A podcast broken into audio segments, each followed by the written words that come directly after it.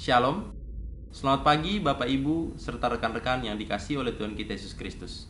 Apa kabarnya hari ini?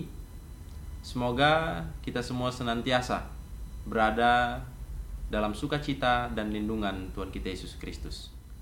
Saat ini, saya mau mengajak kita semua untuk merenungkan kebenaran firman Tuhan yang berpedoman pada bacaan DSR hari ini yang terambil dari Kejadian pasal 12 ayatnya yang ke-13 sampai dengan ayatnya yang ke-20 BIMK dengan tema merespon situasi dengan bijaksana. Antusiasme Abram mengikut panggilan Tuhan menjadi layu begitu dia menghadapi kelaparan di Kanaan sehingga harus bermigrasi ke Mesir. Ternyata Abram harus menghadapi situasi di luar perkiraannya. Bagaimana Abram merespon situasi itu? Kepercayaan Abram kepada Allah gagal sejenak, sehingga mengakibatkan penipuan yang berdosa, dan hidupnya mulai dihantui kekhawatiran dan ketakutan. Khawatir akan nasibnya dan nasib keluarganya. Takut tak menemukan sumber makanan dan mati kelaparan. Inilah bentuk kegagalan Abram. Dalam situasi seperti itu, Abram mencari cara yang menurutnya tepat untuk bisa bertahan hidup dan mempertahankan keluarganya, dan berbohong agar tidak kehilangan istrinya. Namun, jalan dustanya itu tidak menolong. Syukurlah Tuhan turun tangan saat Abram salah jalan, sehingga rencananya atas Abram dan Sarai tetap dapat terlaksana dengan baik. Sahabat Alkitab, kepanikan, ketakutan, dan kekhawatiran yang dialami oleh Abram tentu sering juga melanda hidup kita dengan kasus yang berbeda. Terlebih dalam situasi saat ini. Kadang kita juga gagal untuk mempertahankan iman kita kepada Allah dengan mencoba mengatasi situasi dengan cara kita sendiri.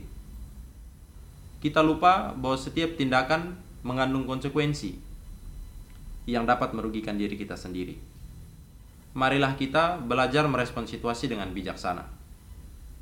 Percayalah bahwa Tuhan akan memelihara, melindungi, dan menuntun kita menurut rencananya yang terbaik. Salam Alkitab untuk semua.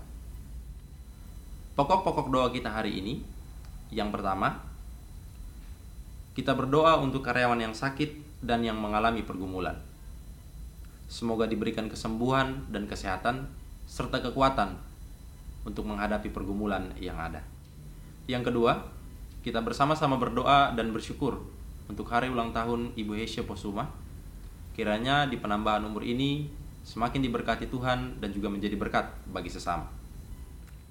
Yang ketiga, berdoa untuk Departemen Penerjemahan dalam melaksanakan program-program yang ada dan para mitra yang juga mendukung program-program ini. Yang keempat, berdoa untuk proses pengajuan permohonan peninjauan kembali dua atas sebagian tanah di Paku Buwono. Kiranya boleh diterima dan dikabulkan oleh Mahkamah Agung. Sehingga tanah tersebut boleh kembali ke tangan LAI dan dapat dimanfaatkan sepenuhnya bagi pencapaian visi misi Lembaga Alkitab Indonesia. Yang kelima, kita berdoa untuk pandemi virus corona. Semoga Tuhan menolong untuk memulihkan dan menjaga seluruh warga Indonesia. Yang keenam, kita berdoa bagi Lembaga Alkitab Australia untuk dedikasi pijancara Alkitab yang lebih pendek pada tanggal 3 April.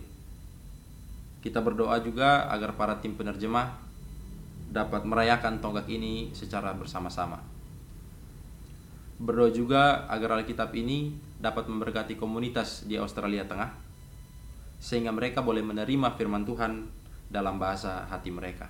Selamat pagi, selamat melanjutkan aktivitasnya. Tuhan Yesus memberkati dan melindungi kita semua. Salam sehati, antusias, dan fokus.